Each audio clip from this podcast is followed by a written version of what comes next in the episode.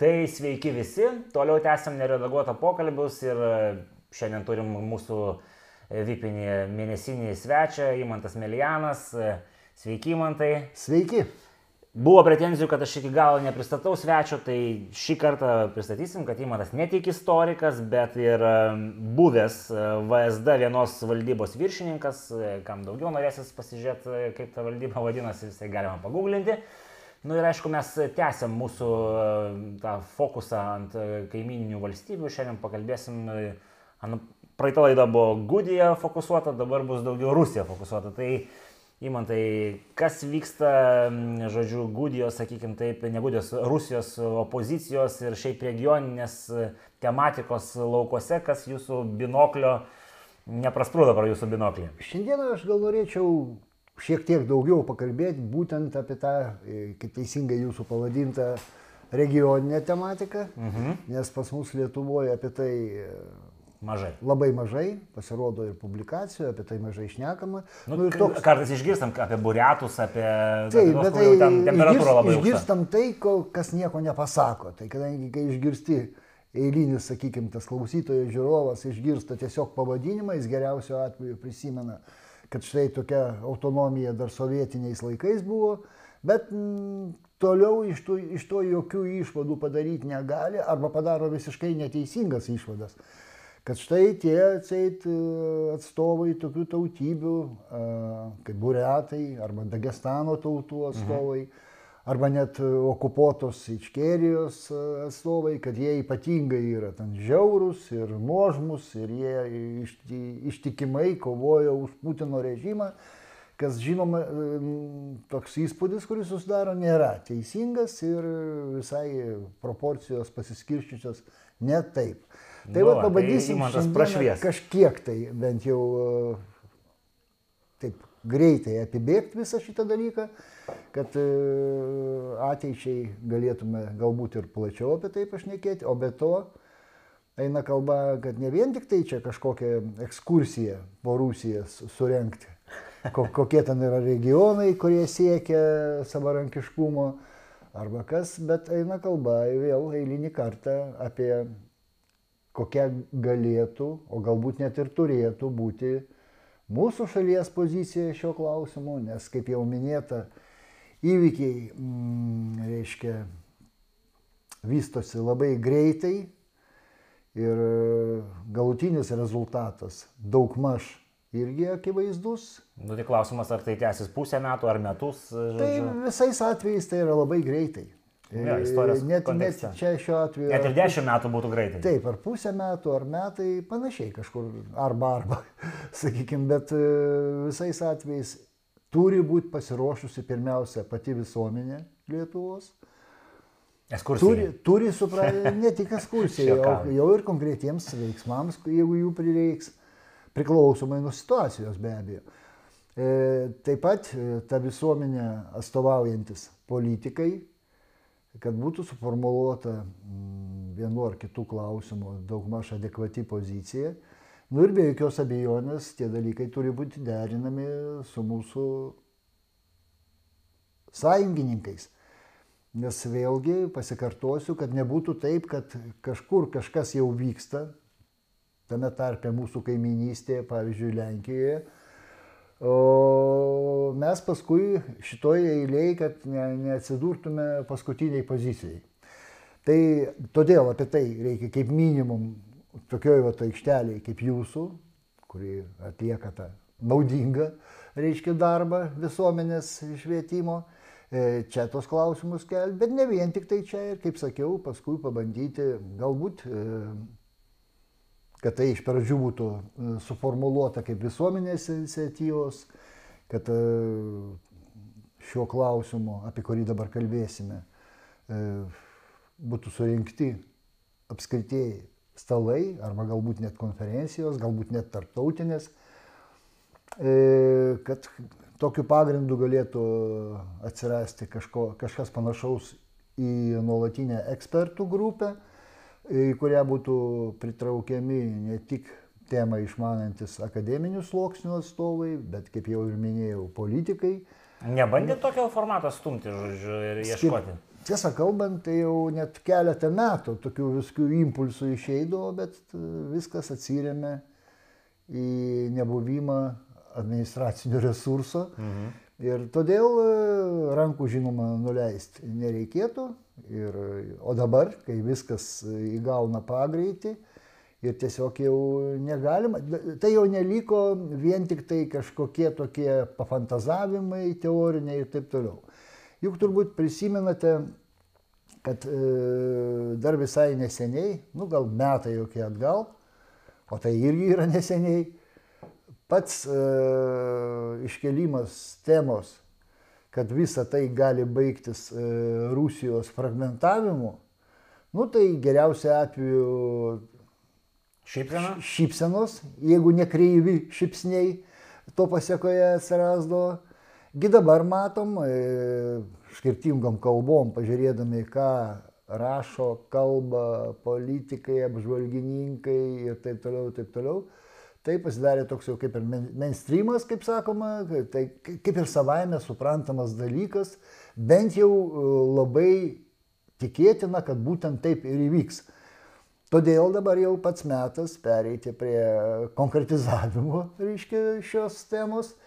Ir kaip jau minėjau, kad kadangi mes vis dėlto atstovaujam tą patį ir NATO bloką, ir visom kitom prasmėm priklausom vadinamajam, nu ne vadinamajam, iš tikrųjų civilizuotam pasauliam, demokratiniam. Tai ir Lietuvos valstybė, Lietuvos visuomenė ne tik gali, bet ir privalo turėti savo nuomonę šio klausimo. Iš pradžių porą žodžių prieš perėjant į tą regioninę tematiką dėl jūsų paminėtų Rusijos opozicionierių kadangi kažkokių naujų ypatingų dalykų, jų persigrupavimų ar ko, ko klausimų nei, neįvyko, daugiausia turbūt visų dėmesį patraukė. Pėstieji vaikščiotojai. Taip, pėstieji vaikščiotojai, konkrečiai tai e, Ksenijos Sobčiak, reiškia atvykimas į Lietuvą. Ir tiesą kalbant, e, ypatingai daugiau informacijos kažkokios, o kągi jinai planuoja daryti, Ir e, apskritai, ar jinai iki šiol dar Lietuvoje, nu, šiai dienai tokios tikslios informacijos nėra, yra visokių pamastymų, bet jie niekaip ir nieko nepagristi e, tikrais faktais. O tarp kitko, tai va čia toks klausimas. Čia kažkur buvo publikuota nuotrauka, kur ją lydi e, buvęs liktis, jeigu aš teisingai prisimenu, saugumėtis e, kažkur tai Vilniaus mieste. Ar čia galimas tokia entouražas? Negaliu nieko komentuoti, nes nieko apie tai A, nežinau dėja. Dabar apie ją pačią, nu ką, vėlgi nieko naujo nepasakysim, kad tai yra netikroji opozicija, o daugiau toksai kaip e, atsarginis Vendilis. variantas režimui, reiškia, kažkur kažką amortizuoti. Nu, palyginti jauna ir palyginti simpatiška moteris ir kuri liktai vieną, antrą, trečią, ketvirtą kartą prisišlėdavo prie kažkokių protesto akcijų ankstesniais metais. Bet tai motina irgi yra kažkokia politiniai partijai sėdi žodžiu. Taip, bet motina grinai sisteminė, mhm. jokių klausimų nekyla. Tai bet kuriuo atveju turbūt daug kas atkreipė dėmesį į informaciją, kuri jau pirmą dieną pasirodė kad lyg tai jinai ketina mm, Tikhanovskojos e, pavyzdžių e, pasiskelbti e, buvusių, buvusių, reiškia, Rusijos prezidento rinkimų laimėtoje, kad tie rezultatai rinkimų buvo sufalsifikuoti, nu ir atitinkamai, kad jinai skaito save teisėta Rusijos prezidentė ir panašiai su visom iš to išplaukiančiom pasiekmėm.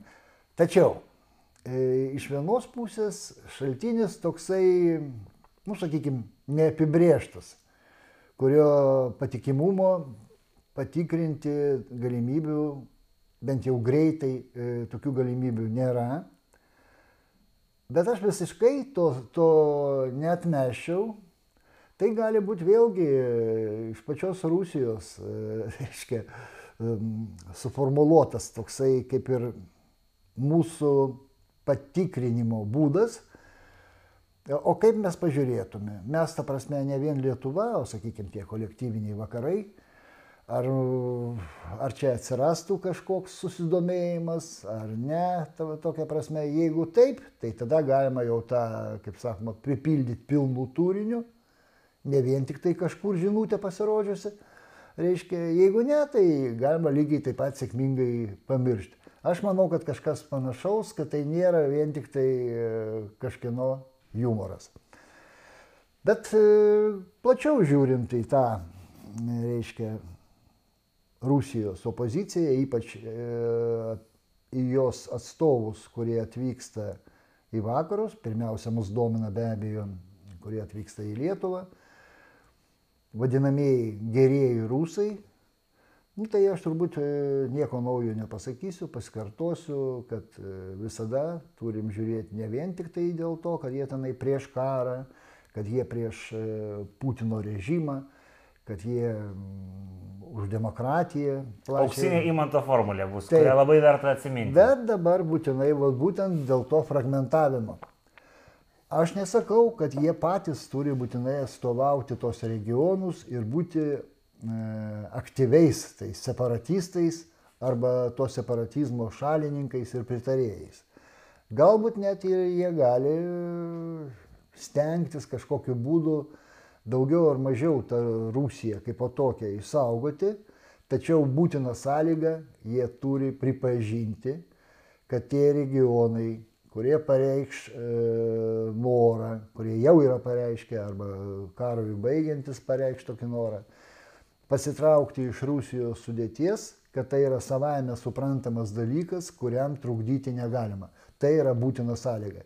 Jeigu žmonė, jeigu jiems toksai klausimas kol kas iki šiol kažkodėl tai neužduodamas, kai jie būna čia, arba net gyvena čia, reiškia. O jeigu uždavus tą klausimą jie nesugeba artikuliuotai atsakyti, čia turėtų būti kaip e, kieno krymas. Maždaug to, tokia pat formulė labai mm. aiški ir viskas. Ir sakau, kaip minimum, e, ne, nežiūrint, kaip jie įsivaizduoja tą Rusijos e, ateitį, išlikimą jos, daugiau ar mažiau vieningos valstybės, žinoma apkarpytos ar, ar ne, bet e, nusistatymas reiškia, kad dabar jau kitaip nebus ir bent jau dalis tų teritorijų, kaip tautinių mažumų gyvenamų, taip galbūt ir net e, rusų gyvenamos teritorijos, ypač kurios atokiau nuo centro, reiškia, kad jos gali e, ir jau dabar e, pareiškia norą pasitraukti iš tos valstybės vadinamosios federacijos, kuri nėra federacija iš tikrųjų sudėties, kad į tai turima būti žiūrima su, supratingai ir ne, nesipriešinant nei, nei ginklų, nei kitom priemonėm. Tai įmatai, aš čia noriu ir... paklausti, ar jūs stebėdamas uh, Rusijos opoziciją esat uh, pastebėjęs tokių Rusijos opozicionierių, kurie šitą klausimą sugeba artikuliuotai atsakyti pagal jūsų tas melo formulę. Sakyčiau, ir... tokias, kad ištisai srovės būtų, kur mes galim tenai įvardinti Javlinskio partiją, Jabloko, taip, nu, labiausiai čia iš, išpopuliarintas, kenčiantis Neva Navalnas, Khodorkovskis ir Hario Kasparovo, reiškia, daugiausia pastangomis egzistuojantis e, Laisvosios Rusijos forumas, kurio renginiai reguliariai vyksta Vilniuje.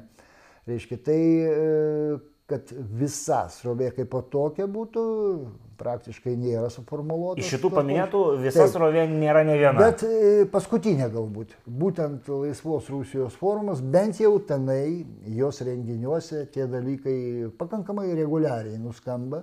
Ir yra tokių atstovų, kurie kalba Taip, apie tai. E, tai nėra viso forumo nuomonė, reiškia, tai nėra pozicija jau, po kurią, kaip sakoma, pasirašyta. Bet kuris nors iš lyderių, tų jūsų paminėtų frakcijų, ar yra apie tai e, verbalizavęs garsiai, žodžiu, tas į kameras? E? Nu, tas pats Kasparovas yra apie tai išnekėjęs. E, žiūrint kaip, nes pavyzdžiui, gali paminėti ir toks Navalnas tos dalykus, bet jie aiškiai su ženklu minus. Jiems tai yra katastrofa. Kad negali atkristi. Tai, tai, tai, yra nepriimtinas dalykas, nepageidautinas mhm. ir taip toliau. E, iš esmės panaši pozicija ir Khodorkovskio. Iš esmės tokios jėgos, reiškia, kaip po vieningos, kuri apie tai pareikštų ir jau link to judėtų, kaip ir kol kas įvardinti negalim. Dėl to aš ir kalbu pirmiausia apie tos rusų opozicionierius, opozicijos aktyvistus, kurie yra, kurie yra persikėlę, sakykime, į vakarus, o mus pirmiausia domina be abejo apie tos kalbant, kurie yra Lietuvoje. Tai reiškia vien tik tai, kad čia yra kažkokie gerieji rusai, va štai tie, kurie palaiko karą ir Putiną yra, ja, čia ir kurie netokie, tai gerieji. Ne, ir aš matau labai aišku kriterijų, kaip juos atrinkti ir, ir su ką galima remti ir vėlgi, ką reiškia remti. Bet turi būti pakankamai tie veiksmai suderinti taip, kaip įsivaizduoja tas vadinam, vadinamasis civilizuotas pasaulis, nesvarbu, ar čia mes kalbam apie NATO, ar apie Ramšteiną, ar dar kažkas, ir kiek jie tame gali dalyvauti, o neturi būti vėl atvirkščiai, kad uodega pradeda vysginti šūnį, kad jie patys čia kažką kažkaip tenai išmasto, o jau mūsų, daleiskim, politikai bando remti tai, kas pagim, iki galo neišanalizavę, o koks tam gali būti tas antrasis dugnas tų visų jų pasiūlymų, nes nepaslaptis, kad labai didelė dalis čia atvykusių to opozicionierių, tai yra vienas dalykas apskritai Rusijos slaptųjų tarnybų, reiškia, žmonės. O antras dalykas, jie gali būti iš tikrųjų būti opozicionieriai Putino režimo atžvilgių, tačiau būtent pagal savo pažiūras nu, mums visiškai nepakeliui ir kam mums tokius remti. Tai gerai, tai dabar pereisim prie tos ekskursijos, kaip mes paminėjome pradžioje. Po regionus. Ir Taip. kas vyksta juose? E, rusiškus regionus aš gal tiesiog suminėsiu. Aš turiu minėti tuos, kuriuose tam tikras e, judėjimas e, regionalistinis, separatistinis, kaip jį be pavadintume, vyksta ir jau vyksta ne pirmi metai kur yra jau uh, sukurtas tam tikras naratyvas. Mm, dažnai yra sukurta net simbolika, reiškia, tų teritorijų, mm, kurios įsivaizduojamos kaip būsimos nepriklausomos valstybės. Reiškia, yra net kažkokie lyderiai atsiradę ir panašiai. Tai dabar minėdamas tas teritorijas, aš kol kas nesakysiu, kurios iš jų, sakykime, iš tikrųjų mes, kur, kurias turėtume vertinti kaip Rusijos teritorijas, sakykime, teisėtai Rusijai priklausančios, o kurios yra jos okupuotos. Kol kas bendrai, mhm. pagal nominalą, kaip jos skaitosi pačioje Rusijai. Tai pirmiausia, tai būtų mums artimiausia Pregolėje, kitaip sakant, karaliaučiaus kraštas. E, antras, turbūt pagal geografinį tą artumą, tai būtų kraštas Ingrija. Ingrija tai yra Leningrado sritis ir Sankt Peterburgo miestas. Irgi ten jau pakankamai daug metų vyksta ir renginiai visokie ir viskas. E, kadangi jokių oficialių apklausų tenai atliekama nebuvo niekada, tai pasakyti, koks realiai e, procentas e, gyventojų visą tai palaiko, kol kas sunku. Tai lygiai tas pats pasakytina ir apie kitus regionus, kuriuos paminėsim. Paskui būtų rytų Laplandija, kitaip sakant, tai Murmanskos rytis, e, Pomorija, arba rusiškai Pomorje, reiškia, tai yra Arhangelskos rytis. Paskui trys net tokie judėjimai vienodų maždaug pagrindų buvusių didžiųjų kunigaistyščių kurios buvo Maskvos pavergtos, tai Tverės, judėjimas vadinasi Tverža, reiškia taip pat Pskovo ir Novgorodą, nu, daugiau ar mažiau. Kaip nekeista, nors liktai iš istorijos žinome, kad Novgorodas buvo kaip ir pagrindinis Maskvos oponentas, bet tenai tas judėjimas šiandienai ko gero silpniausias. Beje, dėl ko aš e, biški atšoksiu atgal, Kodėl e, aš kalbu, kad tai turėtų rūpėti ir mums, tai ne, ne, ne dėl to, kad pas mus kažkokie imperiniai tikslai šitų teritorijų atžvilgių yra. Žinoma, kalba eina apie tai, kad yra tam tikra net ir mūsų pareiga, istorinė, civilizacinė pareiga. Nes pavyzdžiui, dėl mano tų išvardintų buvusių didžiųjų kunigaikštyšių, nu, daugiausiai turbūt žinoma dėl Novgorodo, e, iš esmės e, mūsų neparama, nebuvimas mūsų paramos tuo metu kai jos buvo laukiama ir privedė prie to, kad Maskva sugebėjo jas užgrobti, o vėliau ir suvirškinti. Galbūt jeigu Lietuvos didžioji kunigaikštystė tuo metu parodytų daugiau to tokio solidarumo, tame tarpe su ginklu rankose, gal visa istorija rytų Europos, o tuo pačiu, jeigu dabartinės Rusijos nebūtų ir viso pasaulio, pasisuktų visai kitaip. Paskui yra toksai Merjama, tai atseit Jaroslavlio, Kostromos sritis ir gretimos teritorijos, kur anksčiau gyveno merių tauta. Tai ugrofinų tauta buvo, gimininga mordvių tautoms, reiškia, jos neliko jau seniai. Aš spėju, Tačiau, kad reikės prašyti jūsų žemėlapio, kad mes įdėtume į kadrą, kad e, žmonės galėtų... Tai čia būtų pasi... ne vienas žemėlapis. Nu, pabandysim kažką padaryti klausimą. Gerai. Mhm. Paskui e, Dono Respublika, kaip žinia, iki bolševikų perversmo Rusijos administraciniam žemėlapyje egzistavo tokia oblast Vojska Danskova, Dono kariaunos sritis, toks keistas pavadinimas. Tai būtų kaip ir gubernija, kaip ir ne gubernija, nes to pačiu ir kaip organizacija Reiškia, ir iš esmės, nors žmonės ten rusiškai išnekėjo, bet e, formavusi, kaip ir Dono Kazokų, et, etninė bendryje ir kažkokie bandymai visą tai atkurti yra. Lygiai tas pats e, su Kubanė ir Tereku. Kubanė tai dabartinis Krasnodaro kraštas, o Terekas tai e, Stavropolio kraštas. Kubanė dar priedo viskam tie kazokai yra Ukraina kalbiai.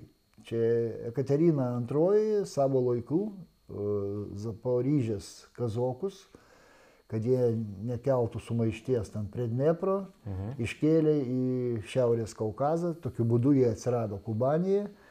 Ir dar 1918-19 metais ten buvo pakankamai stiprus judėjimas, tame tarpe ginkluotas, už susijungimą su Ukraina. Tai niekad nevėlų grįžti prie gerų idėjų ir gerų sumanimų. Toliau, reiškia, iš, e, tai nebus visos rytis, ne, iš karto nuraminu žiūrovus, kad ne, nebus tiek e, taip ilgai ir nuobodžiai pasakojama apie kiekvieną regioną. Paminėsim tik dar svarbesnius.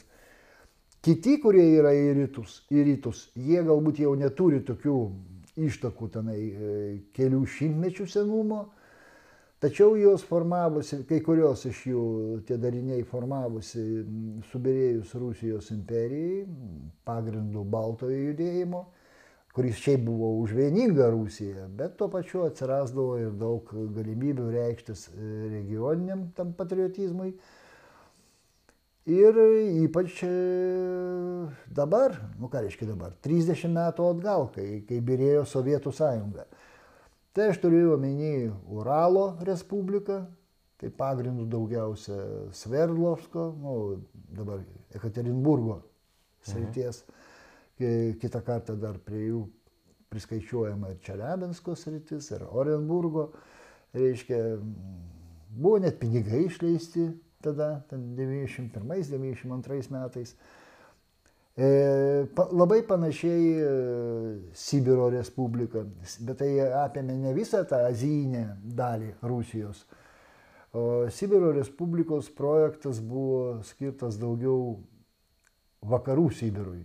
Tai Tomskas, Čiumenė, Omskas, e, Novosibirskas, Kemerovas, reiškia, sakykime taip, Obės ir, ir Tyšo upių baseinai. Bet kai jūs sakot projektas, tai čia jų buvo pačių projektas, jų mąstymas? Taip, taip, čia jie visi čia pačių. pačių. Čia, tai nebuvo jokių amerikiečių ar ten prancūzų ar dar nežinia kieno primesti projektai, tai tiesiog, kai centrinė valdžia buvo nusilpusi ten ir atsirado tokių pamastymų kai kuriais atvejais jos labai aktyviai, kaip tam pačiam Sverdlovskė, Ekaterinburgė, palaikė ir vietinė valdžia, mhm. pavadinkim taip, nomenklatūra.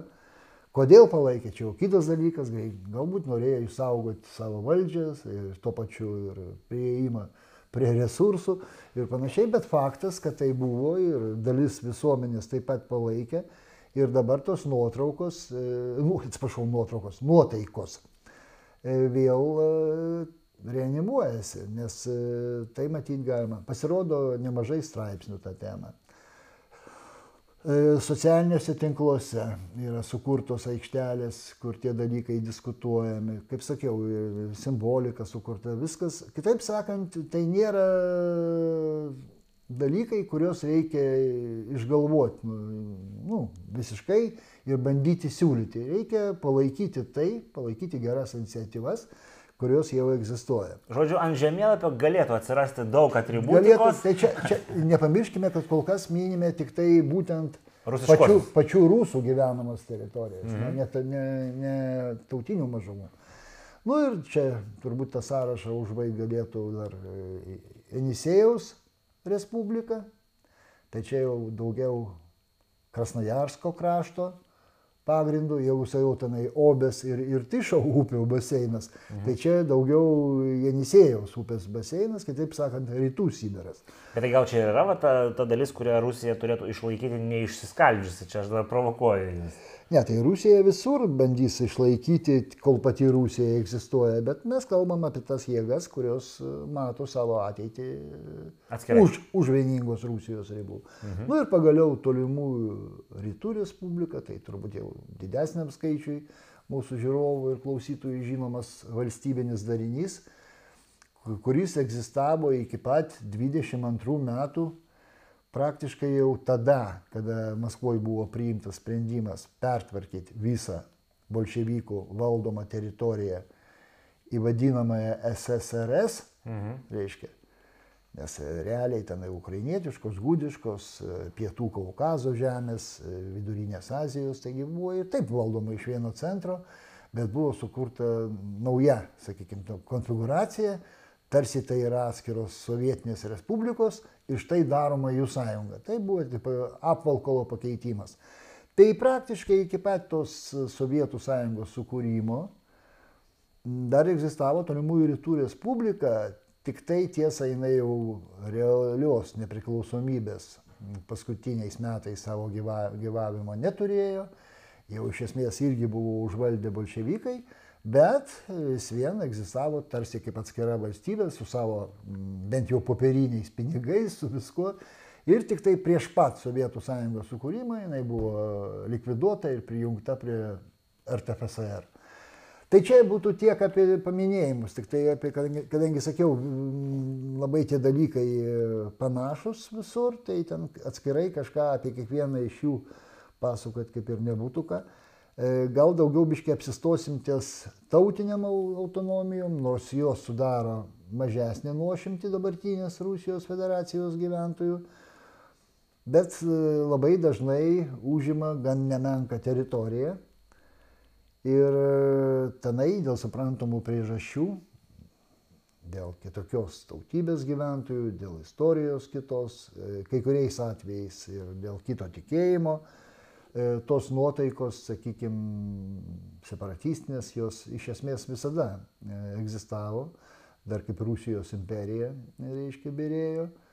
Tačiau dėl skirtingų priežasčių arba nepavyko šitų sumanimų e, realizuoti, arba jie buvo realizuoti trumpam, bet kadangi prieš tai buvo nusistatę ir Baltojo judėjimo, reiškia visi generolai, admirolai, Kalčiakai, Denikinai ir, ir kiti, o jo labiau bolševikai, tai dėja tos valstybės, didžioji dalis taip ir nebuvo atsiradusius.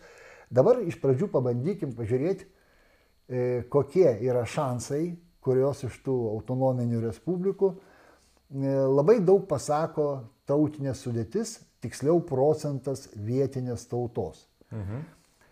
Pirma kategorija tai yra keturios tokios autonomijos. E, Daugiausiai šansų turi. Kur absoliučiai, nu tiesiog e, faktiškai tik tai vietinės tautos arba tautų atstovai ir gyvena, tai e, vėlgi čia minėsiu tame tarpe ir okupuotas teritorijas kol kas, e, kitaip sakant, pagal nominalą, tai Prūsija skaito, kad čia yra jų. Tai būtų Ingūšija 93,5 procento ingūšų. Nu, turbūt aiškiai nereikia. Jo. Tiesa, tai yra mikroskopinė respublika ir pagal, pagal teritoriją gyventojų kažkur pusę milijono, bet e, Nu, bet tokių valstybių yra pasaulyje. Čečenija, kitaip sakant, Ičkerija, jeigu jie skaityti Rusijos dalim, 95 procentai, beveik tas pats čečenų. Mhm. Dagestanas 96 procentai. E, tik tai čia yra skirtumas toksai, kad dagestaniečiai nėra vieninga tauta, tai yra konglomeratas vietinių tautų. E, tačiau... O ten nėra problema, kad jie sienos neturi jokios kitos žodžiu. Turi. Ai, turi. Iš mano išvardintų visi turi sieną, Ingūšija ir Ičkerija su Sakartvelu, Mhm. o Dagestanas su Sakartvelu ir su Azerbaidžianu. A, teisingai. Ir va būtent čia vienintelė problema ir yra ne pati siena, o Maskvos manipulacijos.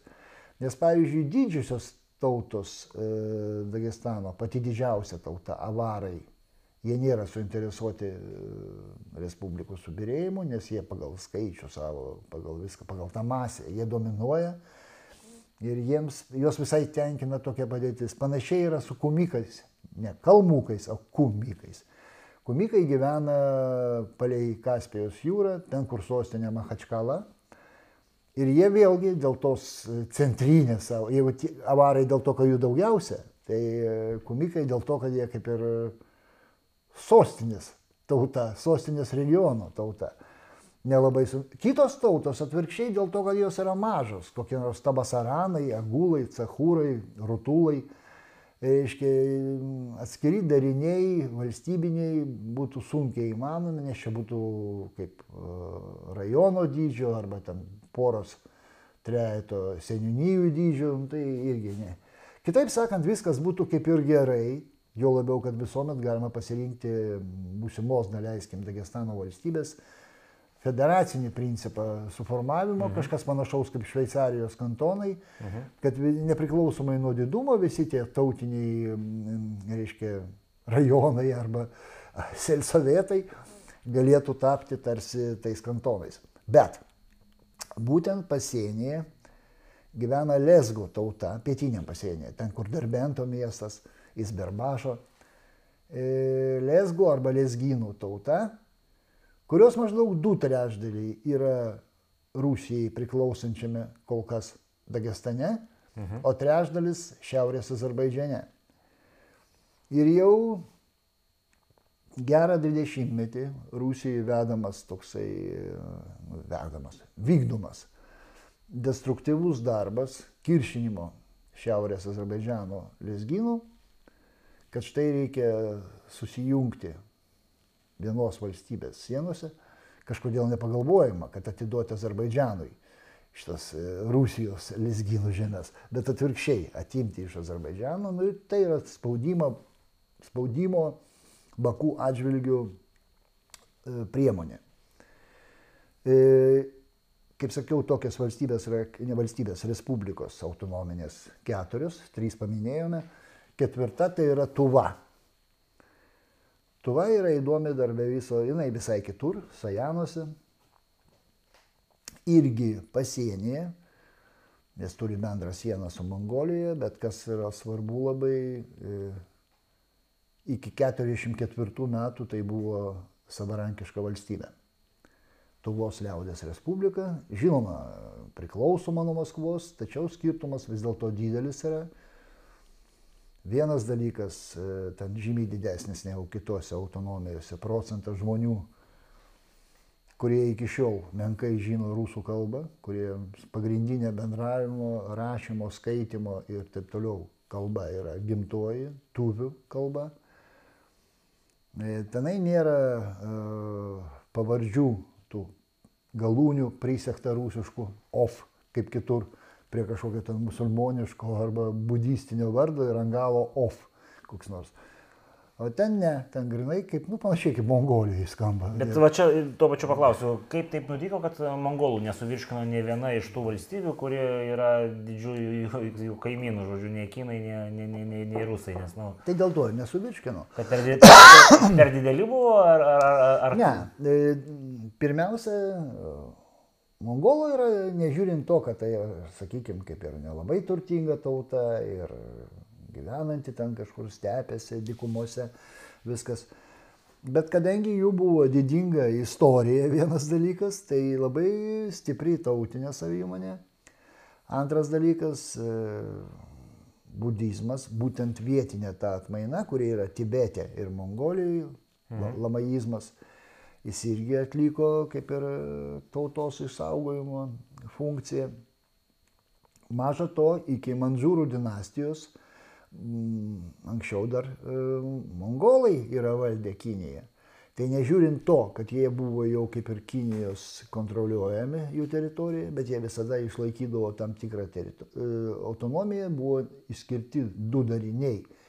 Vienas labiau integruotas su Kinija, tai vadinamoji vidujinė Mongolija, kuri dabar yra autonominis rajonas Kinijos, o kita vadinosi išorinė e, Mongolija, kuri galiausiai kaip ir perėjo prieš pat pirmąjį pasaulinį karą rusų carų globą, tai tarp kitko tuo pačiu metu ir Tuva, kuri tuo metu vadinosi Urenhajaus kraštu, irgi pateko, kaip sakoma, tapo e, Rusijos tarsi pro, protektoratu, o paskui bolševikų pagrindų, e, paramos pagrindų atsirado dvi tos neva socialistinės valstybės - Mongolijos liaudės respublika ir Tuvos liaudės respublika, tačiau grįžkim į Rusijos federacijos sienas. E, Tuva 44 metais e, liko aneksuota, iš pradžių kaip autonominis kra- kraštas, atsiprašau, autonominės rytis, mhm. iki pat 61 metų, tik 61 metais, e, reiškia, Maskva suteikė autonominės respublikos statusą. Nu, dar dėl Mongolijos pasakysiu, kad paskui būtent e, tam tikra įtampa ir prieštaravimai tarp Maskvos ir Pekino leido Mongolam mongolams ir, ir tas iki šiol tęsiasi, bet šiuo metu tai iš esmės niekam jau abejonių nekelia. Nėra jokios grėsmės, kad jos kažkas užpuls. Nu, mes jau čia atskirai turėjom laidą dėl Kinijos, tų, yeah. reiškia, agresyvumo Tu, turint dabartinę, žodžiu, Rusijos kariuomenės e, padėtį mintyje, tai Jo, jie su, su, su savo žirgais atsigintų, matyti, žodžiu. Čia taip. Tai va, tos keturios a, tuvoj, kaip sakiau, 81 procentas. Tai nu, nieko, nieko panašaus, tiesiog palyginimui kaimynė Buriatija. Buriatai iš esmės ir yra mongolai. Tuviai labai artimi pagal kultūrą, irgi budistai, bet tuviai yra tiurkai. O buriatai grinai mongolai. Tai va, Buriatijoje viso labo 30 procentų. Bet matyti ir to užteks, jie, Taip. jie rodo entuzijazmą nemažą. antra kategorija, jeigu taip žiūrėti pagal e, procentą vietinių gyventojų, čia buvo išvardintos tos autonomijos, kur virš 75 procentų sudaro. Nu, virš 3 ketvirtą. Aš manau, tai yra Klausimų nekelia. jokių klausimų nekelia. Sekanti kategorija tai būtų irgi, kur e, vietinių tautų atstovų e, dauguma, tačiau tai maždaug nuo 50 iki 75 procentų. Tai būtų Kabarda ir Balkarija 71 procentas vietinių gyventojų, bet čia abiejų tautų. Adygų ir Taulų. Kodėl aš sakau ne kabardiečių ir balkarų? Nėra tokių tautų. Tuoj prieisim. Čia, įmantai, kaip žiūrėtum, čia yra kosmosas. Manau, kad didžiai daliai žiūrovų tai yra kosmosas, jūsų, jūsų šitas Taip. knowledge šitos rytį, žodžiu. Paskui e, antroji vietoje būtų šitoj kategorijoje. Čiuvašija 68 procentai vietinių gyventojų. Šiaurės Osetija Alanija irgi 68 procentai, e, 67 atsiprašau procentai. Kalmūkija 57,4, Totorija 53,2, Karačiajus ir Čerkesija, kur vėlgi nėra tokių tautų Karačiajų ir Čerkesų, tai yra tie patys Adygai ir Taulai, kaip Kabardoje ir Balkarijai. Toj, toj grįšim. 53,2 procento ir Jakutija 50 procentų, bet Jakutų procentas sparčiai didėja. Reiškia, tokių iš viso, kaip matom, septynis. Kodėl aš sakiau, nėra tokių tautų? Nes e, čia dar vienas e, rusų tautinės politikos e, toksai, ne, čia ne akibrokštas, čia nusikaltimas. Šiaurės Kaukazo vakariniai daly yra dvi tautos. Viena grinai kalnuose ir priekalnėse gyvenanti ir šnekanti tiurkų padermės kalba, tai reiškia, jie anksčiau caro laikais vadinosi e, totoriai kalniečiai, gorskiai tatarai. Save jie vadina taulų, nuo žodžio tau kalnas. Mhm. Kitaip sakant, kalniečiais. Ir karačiai, ir balkarai tai yra tiesiog etnografinės grupės. Nu, maždaug kaip kapsai ir dzukai. Mhm. Jeigu mes paklausim, kaip vadinasi, kaip, reiškia... Kapsų nebėra tokių, nes, nu, man atrodo, ne nuo to žodžio, bet, nu, okei. Okay. Tai va, o šiauriau jų e, gyvena ten grinai jau senovinė kaukazietiška kalba, adygų kalba, jų e, kalba, taip ir jinai vadinasi, adigebze. Tai va, jeigu mes norėtume sužinoti, o kaip e, jie patys vadina adigėjų kalbą, adigebze, o čerkiesų kalbą, adigebze, o kabardiečių kalbą, adigebze, o kabardietis adigė, o čerkiesas adigė, o adigėjus adigė. Žodžiu, nu, absoliučiai ta pati tauta, tas pats pavadinimas, išskirstyta į tris skirtingas autonomijas ir e, suteiktas kaip pavadinimas. Ir lygiai taip pat tie turkiškai išnekantis taulų. Mhm.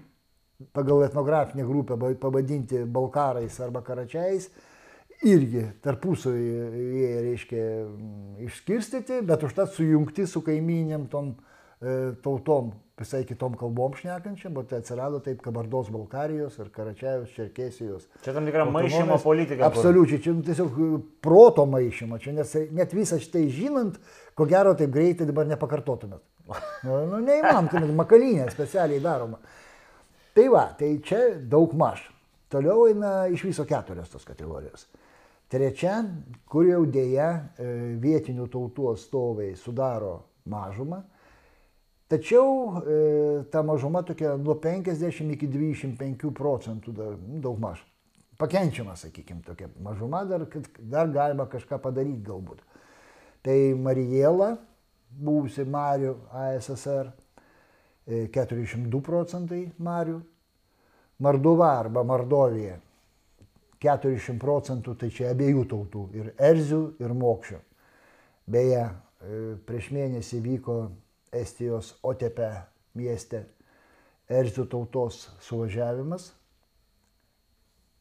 Čia yra rytinė dalis Mordovijos tos Respublikos. Ir e, buvo priimtas e, sprendimas e, siekti valstybinė, valstybinės nepriklausomybės.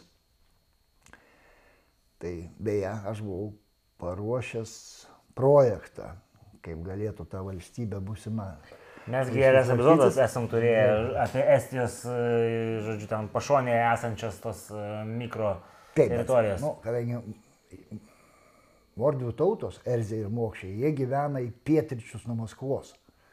Nors jie pagal e, kalbą suomiams ir estams giminingi, bet jie teritoriškai labai toli, bet to jie tenai dispersiškai įsimėtę tokiais, tokiam kaip ir salom. Mhm. Todėl net ir savo toj vadinamoji didelė dalis visai yra priskirta kaiminėm rusiškom sritim jų teritorijos, o kurios ir įtrauktos buvo į Mordovijos tą autonominę respubliką 34 metais. Tai net tenai kartu paėmus Erzė ir Mokščiai sudaro tik 40 procentų. Nu vėlgi, tik arba net, čia žiūrint kaip žiūrėti. O centrinė nu, dalis. Čia matau net. Tasme. Taip, centriniai daly, kur Saranskas yra, tai tenai daugiausia gyvena rusai, taip pat totoriai. Reiškia, tai mano pasiūlymo esmė buvo, čia aš biški nukrypau, kad pasinaudot Belgijos e, pavyzdžių, kur yra, mhm. kaip žinia, federacinių pagrindų pertvarkyta valstybė, kur yra vakarinė dalis Flandrija, rytinė prancūziškai išnekanti Valonija Ir sostinė Briuselis įskirta kaip atskiras federacijos subjektas, kur ir prancūzų, ir flamandų kalba. Tai lygiai taip pat siūliau sostinėje skirti atskirai Saranską, kur būtų ir erzių, ir mokščių, ir rusų kalbos. O vakarinė dalis kaip mokščia ir rytinė kaip erzija, tai būtų trys, reiškia, grinai belgiškų pagrindų, trys subjektai būsimos, sakykime, federacinės valstybės. Nu, tiesa, suvažiavime praėjo tenai radikalesnis projektas su tam tikrom teritoriniam pretenzijom kaimynėms sritims, bet čia kaip nutars, taip ir bus, sakykime. O koks čia kiekis tų gyventojų vat, šitoje minimoje teritorijoje? E, minimoje teritorijoje kiekis gyventojų virš 7, tarp 7 ir 800 tūkstančių mhm. iš viso ta respublika, jeigu. Nu ir procentai sakau, iš jų... Nu, tas procentas aiškus. Mhm. Maždaug 55 procentai rusų, 5 totoriai ir 400, reiškia, abiejų šitų tautų atstovai. Dar vienas nusikaltimas rusų tautinės politikos, jie neleidžia erzėms ir mokščiams vadinti savo vardais. Nors tai yra atskiros tautos. Nes žodžiai mordviai nei erzių, nei mokščių kalboje nėra. Mhm. Bendro pavadinimo jie savo neturi. Susikalbėti tarpusavėje gali tik tai rusiškai. Tos kalbos yra gerokai nutolusios. Mhm. Abi turi literatūrinę formą. Nu, žodžiu, pagal visus požymius, atskira savimonė, atskiras savivardis ir viskas, e, tai yra atskiros tautos, bet uh, rusiška statistika sako, ne, nėra tokių tautų, o rašom jos, nu, sakykime, jeigu, pavyzdžiui, lietuvius ir latvius sovietiniais laikais neleistų mums vadinti savo vardais, o sakytų baltai. A jūs kaip norite, skaičiuokit, kiek iš tikrųjų yra lietuvių, kiek latvių, o sovietinė statistika fiksuoja baltai ir viskas. Mhm. Tai čia kažkas vat, panašaus. Toliau panašus skaičius e, Altajaus Respublikoje - 34 procentai vietinės tautos, realiai vėlgi dvi tautos tenai formuojasi, jų etinių grupių yra daugiau, į vieną tautą nesusiliejo, geriausia atveju galės jau susilieti dvi tautas, nes e, Šiaurės Altajų išnekama vienaip, tam giminingos tų tautelių kalbos, o pietų Altajų kitaip, vėlgi kelios giminingos tautelės. Bendros tautos altajiečių faktiškai nėra, bet kadangi statistika jau skaičiuoja kartu, tai 304 procentai. Buriatija, kaip jau minėjau, 30, bet vėlgi Buriatija. E, anksčiau Buriatija buvo žymiai didesnė. E, Jeigu mes prisimenam, dar netaip seniai egzistavo Aginskajos Boreato autonominė apygarda ir Ustordinskio Boreato autonominė apygarda, viena Čitos rytį, kita Irkutsko.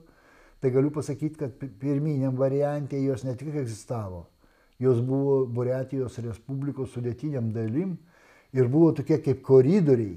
Reiškia, ta Boreatija, kur dabar yra į pietričius nuo Baikalo ežero Ir tos vat, buvusios, tarp kitko prieš keletą metų panaikintos autonominės apygardos, jos irgi įėjo į Respublikų sudėtį. Tai tiesiog yra piktybiškai apkarpama iš visų pusių, sumažinama.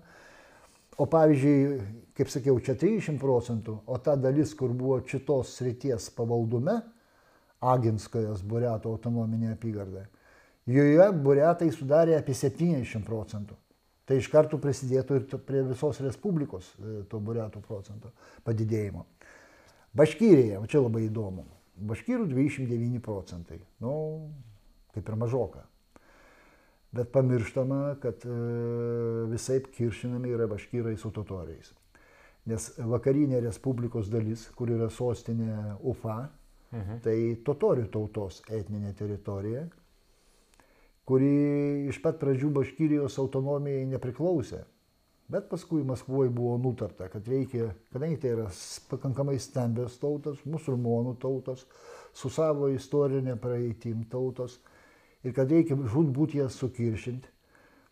Tai paėmė Ufos guberniją gyvenamą totorių, prijungė prie Baškyrijos, perkelė į Ufą sostinę, kuri prieš tai buvo Sterlitamakė Reiškia, ir tokiu būdu bomba tarpusavio to, e, sakykime, įtarumo tarp totorių ir baškyrų buvo padėta. Ir man buvo tekę bendrauti su baškyrų tais, sakykime, nacionalistais. Ne, atseit totorija apsisprendė Totorijos Respublikoje. Sakau, Totorijos Respublikoje apsisprendė totorijos gyventojai, tame tarpe totorijų tautybės. O mes kalbam, sakau, apie baškyrijos gyventojų apsprendimą. Bet reiškia, tas toks pakankamai negudrus nusistatymas priešiškas yra ir todėl problema iš to egzistuoja. Nes jeigu sudėti tos 20, beveik 9 procentus baškyrų, baškyriai, plus maždaug 25 procentai gyventojų, tai yra totoriai, mhm. tai tada kartu paėmus jie sudarytų daugumą. Ir visi minusai pavirstų pliusais. Bet čia jau priklauso, kiek užteks tiems tautiniams lyderiams proto susitarti ir panašiai. Udmurtija 27, Adygija, kurią mes minėjom šalia Kabardos Balkarijos ir mhm. Karačiajos Čerkėsijos 25 ir Komija 24. Nu ir pagaliau visai tragiška ketvirta kategorija, kur vietinės tautos atstovai sudaro mažumą, mažumą visišką mažumą. Mhm. Tai vėlgi primenu, kad čia minim visas rusų kontroliuojamas teritorijas, nekalbam kol kas apie teisėtumą to e, rusiškos valdžios. Tai Krymo autonominė respublika 12 procentų Krymo totorių, Hakasija 12 procentų ir Karelija 7,4 procento, čia už Peterburgo iš karto. E, ką reiškia tai? E, Karelijai, pavyzdžiui, tai labai viskas paprasta. Kada buvo sukurta autonomija, joje karelai, karelai tai yra iš esmės suomiai stačiatikių tikėjimo. Jie vyravo. Bet e, buvo tam tikrai teritoriniai pertvarkymai, per, per buvo įjungtos tam tikros teritorijos, kur karelų visai nėra, kur rusų gyvenamos Žodžiu, buvo pasiekta, kad virš pusės pasidarytų rusų. Nu, o paskui visa ta Stalino nacionalinė politika su visam represijom, trėmimais ir su visko privedė prie to, ką, ką mes turim šiandieną į 7,4. Maža to. Iš esmės e, tai yra vienintelė autonomija, kur vietiniai kalbai e, atimtas e, valstybinės kalbos statusas. Reikalas tame, kad nuo 40 iki 56 metų egzistavo sąjunginė Karelo Suomijos SSR, Karelapinska SSR. Reiškia.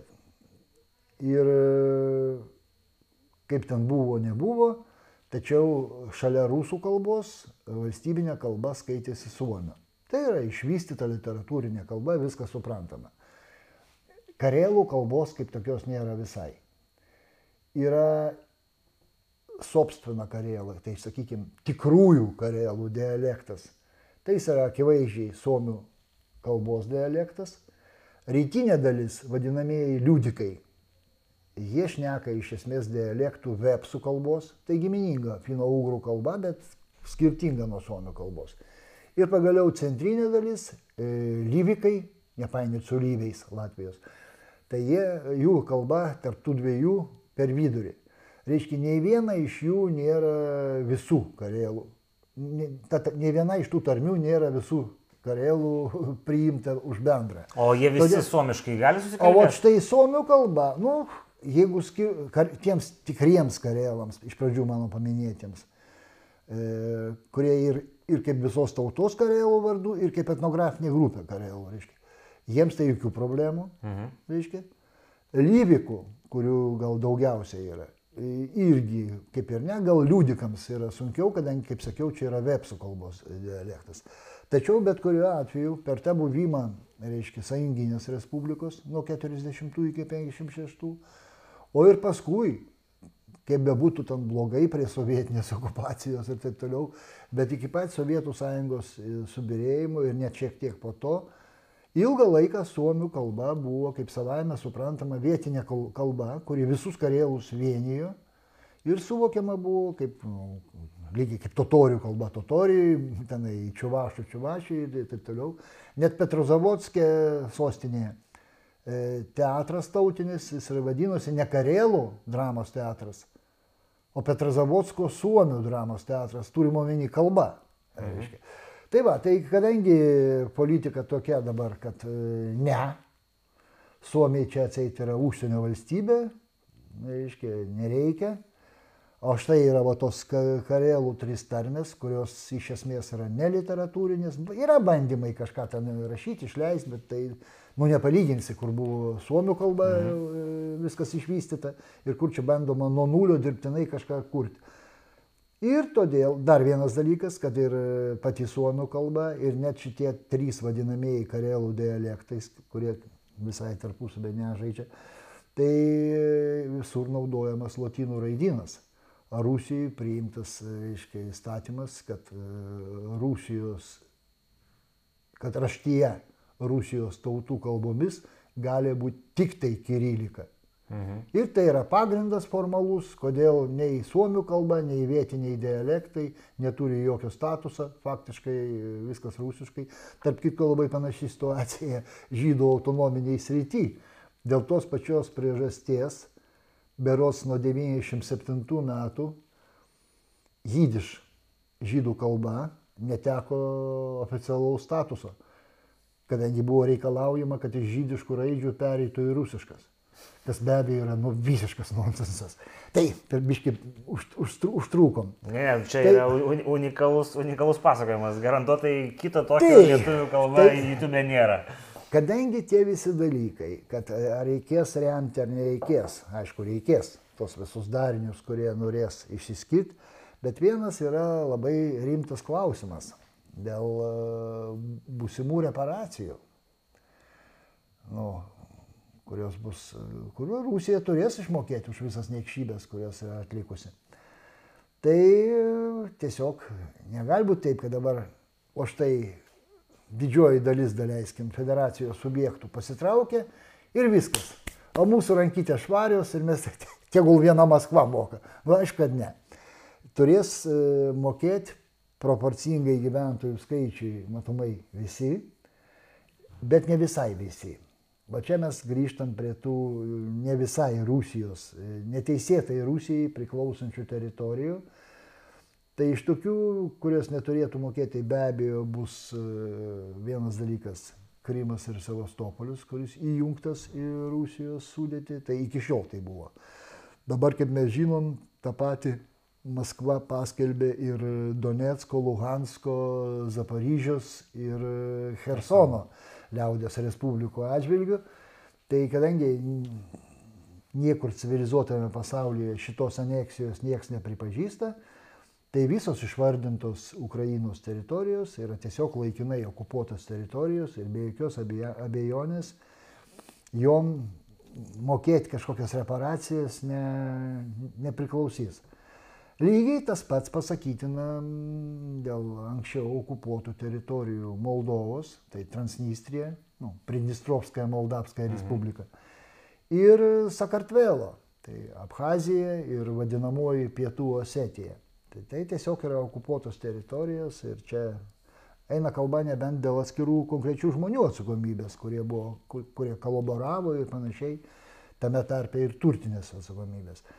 Bet ne, ne šitų teritorijų, nes jos tiesiog turėtų grįžti tikriems šeimininkams. Ir dar viena tokia pat, tai yra Ičkerijos Čečienų Respublika. Kaip žinia, jinai buvo ne tik pasiskelbusi nepriklausoma šalimi, bet ir e, ilgai kovoja už savo laisvę, bet kas įdomu, kad 96-97 metais buvo pasirašyti vadinamieji Hasaviurto sustarimai, o paskui 97 ir prezidento Boriso Jelcino ir Aslano Mashadovo sutartis, kuri taip ir vadinosi Rusijos ir Ičkerijos taikos ir tarp valstybinių santykių pagrindų sutartis.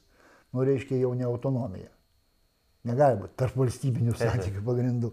Tai buvo faktiškai pripažinimas, o tai, kad e, vos atėjęs į valdžią Putinas, dar nebūdamas prezidentu, dar būdamas premjeru, pradėjo antrąjį, reiškia, Čečenijos karą, pastatė ten prie vairo savo statytinius, iš pradžių tėvą, o dabar sūnų.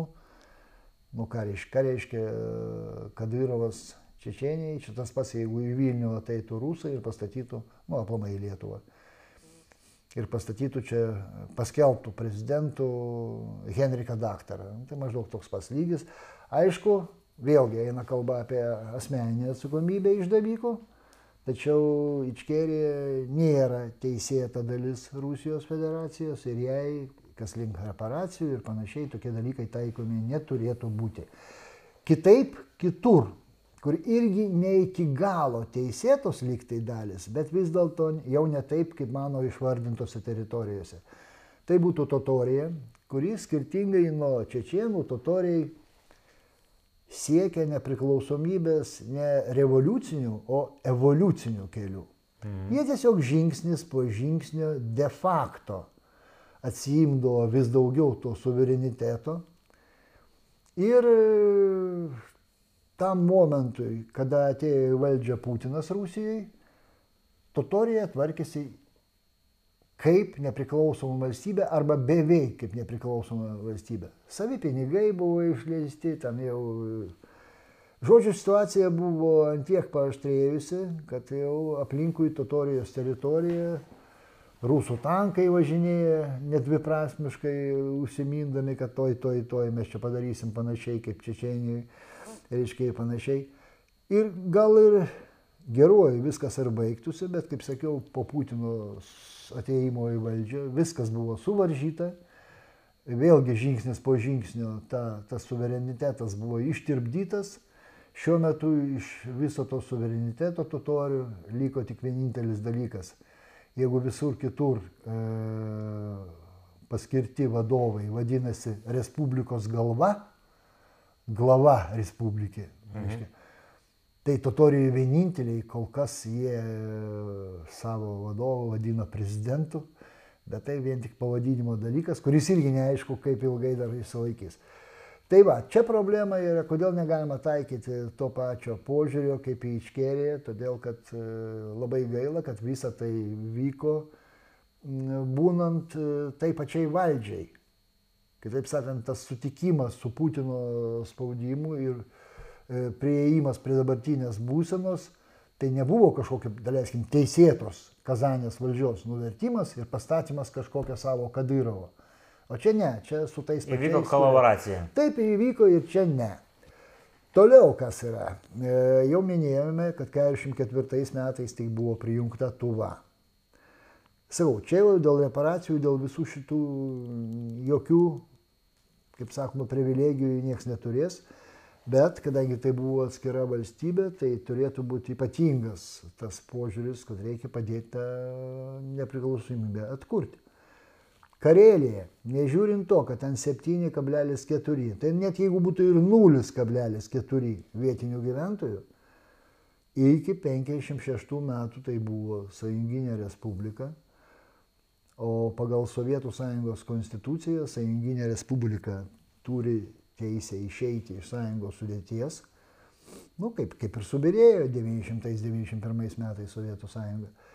Tai šiuo atveju irgi, jeigu nedirbtinai pažemintas statusas nuo sąjunginės respublikos, kuri neva sudaro Sovietų sąjungą, viena iš šešiolikos, mhm pažeminta iki autonomijos e, Rusijos federacijos. Tai jie greičiausiai irgi būtų atskilę. Be abejo. Mhm. Nes nesakau, jeigu tai nebūtų visai tų suomių, karelų ir panašiai, e, vietinė rusakalbė nomenklatūra nepraleistų progos. Nu, nafik jiem reikia tada priklausyti nuo Maskvos, vykdyti kažkokias kvailas komandas, čia šalia Baltijos jūra, Suomija ten toliau Švedija, Norvegija, Estija, Latvija, Lietuva. Nu, miela, ten atsirastų ir investicijų ir visko. Šitą jie supranta. Bet jos dirbtinai, kaip sakoma, nusmūgdė. Toliau, reiškia, jau ne, nebus pavadinimai respublikų, o tiesiog teritorijos. Viena iš jų mūsų pradžioje paminėta Pregolėje arba Karaliaučiaus kraštas. Kaip žinia, jinai buvo skirtingai nuo pietinės dalies rytprusių, kurie iš tikrųjų buvo perduoti į Lenkijos sudėtį, kur dabar e, Mozūrų ir Varmio vaivadija su centro Olštinė yra. Tai šiaurinė dalis, jinai buvo Sovietų sąjungai perduota laikinam valdymui. Laikinam iki bus nuspręsta kitaip. Tačiau Rusija jau metų bėgėje, pirmųjų metų bėgėje, e, savavališkai įjungia tą protektoratą, kurio turėtų būti rytprusiai šiaurinė dalis rytprūsių, į Rusijos federacijos sudėtį, paskui pakeitė visus pavadinimus, o iki 51 metų ir visi vietiniai gyventojai, Buvo ir ištremti. vokiečiai, ir lietuvininkai buvo išvežti, likučiai buvo išvežti į ką tik tai sukurtą VDR. Mhm. Reiškia. O tenai visoks zbrodas privažiavo, ta prasme, žmonės be dokumentų, be nieko, pačioj pradžioj ten buvo tiesiog nežinia kas. Tai, kaip sakoma, niekas dėl to karo nepradėtų. Bet mes primenu, kad kalbam kad, e, apie galimą Rusijos griūtį, o greičiausiai neišvengiamą Rusijos griūtį. Tai šiuo atveju tik tai du klausimai. Ar tenai atsiranda rusakalbė dar viena Baltijos šalis, kuri be abejo turės būti gal iš pradžių kažkoks išorinis valdymas įvedamas, kad ją paruošti tam normaliam gyvenimui civilizuotų tautų kaiminystėje. Antras variantas, jeigu ten būtų labai didelis priešiškumas vietinių gyventojų, tai reikėtų spręsti klausimą dėl jų sugrįžimo į etninę tėvynę, kad jiems būtų jaukiau, kad nereikėtų kankintis svetimo žemėje, čia priešiškoje apsupti ir panašiai. Nu, bet čia jau, čia jau tolimesnių, e, reiškia, ir, ir ne, ne, ne, lygis ne tas aptarimo, ir, ir tema pati, bet turėti omeny tokius variantus reikia. E, Lygiai panašiai yra tam tikros teritorijos, kurios yra atskirtos e, iš karto. Dar antrojo pasaulinio karo metu ir iš karto po jo nuo Suomijos, tai pavyzdžiui, Vyborgas, dabar Leningrado srities, arba Murmansko srities e, Pečenga, Petsamo, suomiškai vadinasi, uostas. Paskui atitinkamos teritorijos nuo Estijos atimtos, tai Užnarvis, reiškia, ir Petseri, tai Pečiorai dabar Pskovo srities, ir Latvijos Abrenė, Pitalova, rusiškai vadinasi dabar. Ir e, pietų Kurylai, apie- kurios Ukraina jau pripažino Japonijai, kurie ne vienos sekundės teisėtai Rusijai nepriklausė, čia vėlgi savavališka buvo, grinai aneksija. Tarp kitko, galima vadinti ne rusiškai pietų korylai. Yra labai gražus japoniškas pavadinimas to krašto. Hopariodas. Lietuviškai būtų hopariodas, japoniškai skamba uh, hopariodo. Mm. Nu, tiesiog norisi dar ir dar kartą kartoti. tai štai kokie būtų tie skirtingi dariniai pagrindiniai. Ir dabar dar kartą grįžtam prie to, kaip tai turėtų būti pas mus, koks turėtų būti požiūris. Vienas dalykas, o reikia apie tos dalykus dažniau kalbėti rašyti, kad pati visuomenė, žmonės e, mėgsta, myli tai, ką žino ir pažįsta. Kas yra visai nepažįstama, tai iššaukia kažkokią, nu, jeigu ne priešiškumo, tai bent jau atmetimo re reakciją. Ir kaip sakiau, įtraukiant į tai ne tik akademinių sluoksnių atstovus, bet ir politikus, ir stengiantis, kad daryti tokius stengiantis dalykus, renginius, daleiskim, konferencijas ar kažkas panašaus, kad jie būtų tarptautiniai, pirmiausia, su mūsų pačių kaimynais, ten Lenkais, Ukrainiečiais, Estais, Latviais, Suomiais, reiškia, kad šitas dalykas būtų tiek atpažįstamas, kad jeigu rytoj atėjus valandai X ir štai jau vyksta ir reikia turėti ne šiaip savo nuomonę, bet ir dalyvauti realizavime, sakykime, priimamų sprendimų, o pirmiausia tų sprendimų, reiškia pasiūlymų dėl tų sprendimų suformulavime, sakau, nepamirškim mūsų geopolitinės padėties. Tai vienas dalykas. Antras dalykas, net ir tam tikros mūsų istorinės skolos, ką aš kalbėjau dėl Novgorodo, Tverės ir Pskovo ir taip toliau, ir taip toliau, e, nebūkime tie tokie pasyvūs stebėtojai, lyg tai mes būtume kažkur toli toli ir mūsų tai mažiausiai, mūsų tai mažiausiai liečiantis dalykai būtų. Ne, tai tame tarpe priklauso ir mūsų pačių, mūsų vaikų, anūkų ir taip toliau, reiškia, saugumas ateityje. Todėl e, gilintis į tos dalykus būtina, ne tik tai, kad pageidautina, būtina. ir aptarinėti. Žinoma, aš negalėjau čia pasakyti visko ir e, galbūt ne, ne visur esu teisus, tai kalbėkime apie tai. Manau, kad galbūt ir su kitais autoriais būtų įdomu Ar jūs daug pas jūs čia susitikti. Ar jūs turite daug tokių Lietuvoje autorių, kurie masto apie tokias e, Rusijos federacijos e, gelminės, žodžiu, dilemas? Daug tikrai ne, bet kad yra žmonių tokių, tai taip. Nu tai mes pabandysim ką nors padaryti. Galų gale e, Rusijos tema už dviejų savaičių bus nagrinėjama Kaune, tai aš nebejoju, kad e, bus, bus, bus kažkas paliesta ir istoriškai, regionaliai. Tai visi, kurie turės pasiūlymų, įmant, galės juos gyvai po, po, po, po, po renginio, žodžiu, mm, pasufleruoti. Tai, va, tai ką įmantai, dėkui, dėkui už tokį, nu, unikalų... Dėkui už kantrybę visiems. Ne, tai čia nu, galbūt kai kuriem ir ne, ne per vieną kartą reikės peržiūrėti, bet, bet kokiu atveju tai yra unikalus turinys, iš ko ta Rusija susideda ir mes matyt nesusimastom didžiąją laiko dalį, žodžiu, Rusija, Rusija, o iš tikrųjų tai yra netaip viskas paprasta. Margas audinys labai. tai va, gerai, tai ką, tai dėkui visiems. Kas dar neužsiregistravot į renginį, turit galimybę tai padaryti iki savaitės galo, nes po to jau registracija baigėsi, nes ir vietų skaičius jau tirpsta. Norisi, kad e, būtų galima laisvai vaikščioti, žodžiu, toj, toj salėje, kurią disponuosim. Tai ką, tai dėkui visiems ir iki kitų kartų. Iki sekančio malonaus.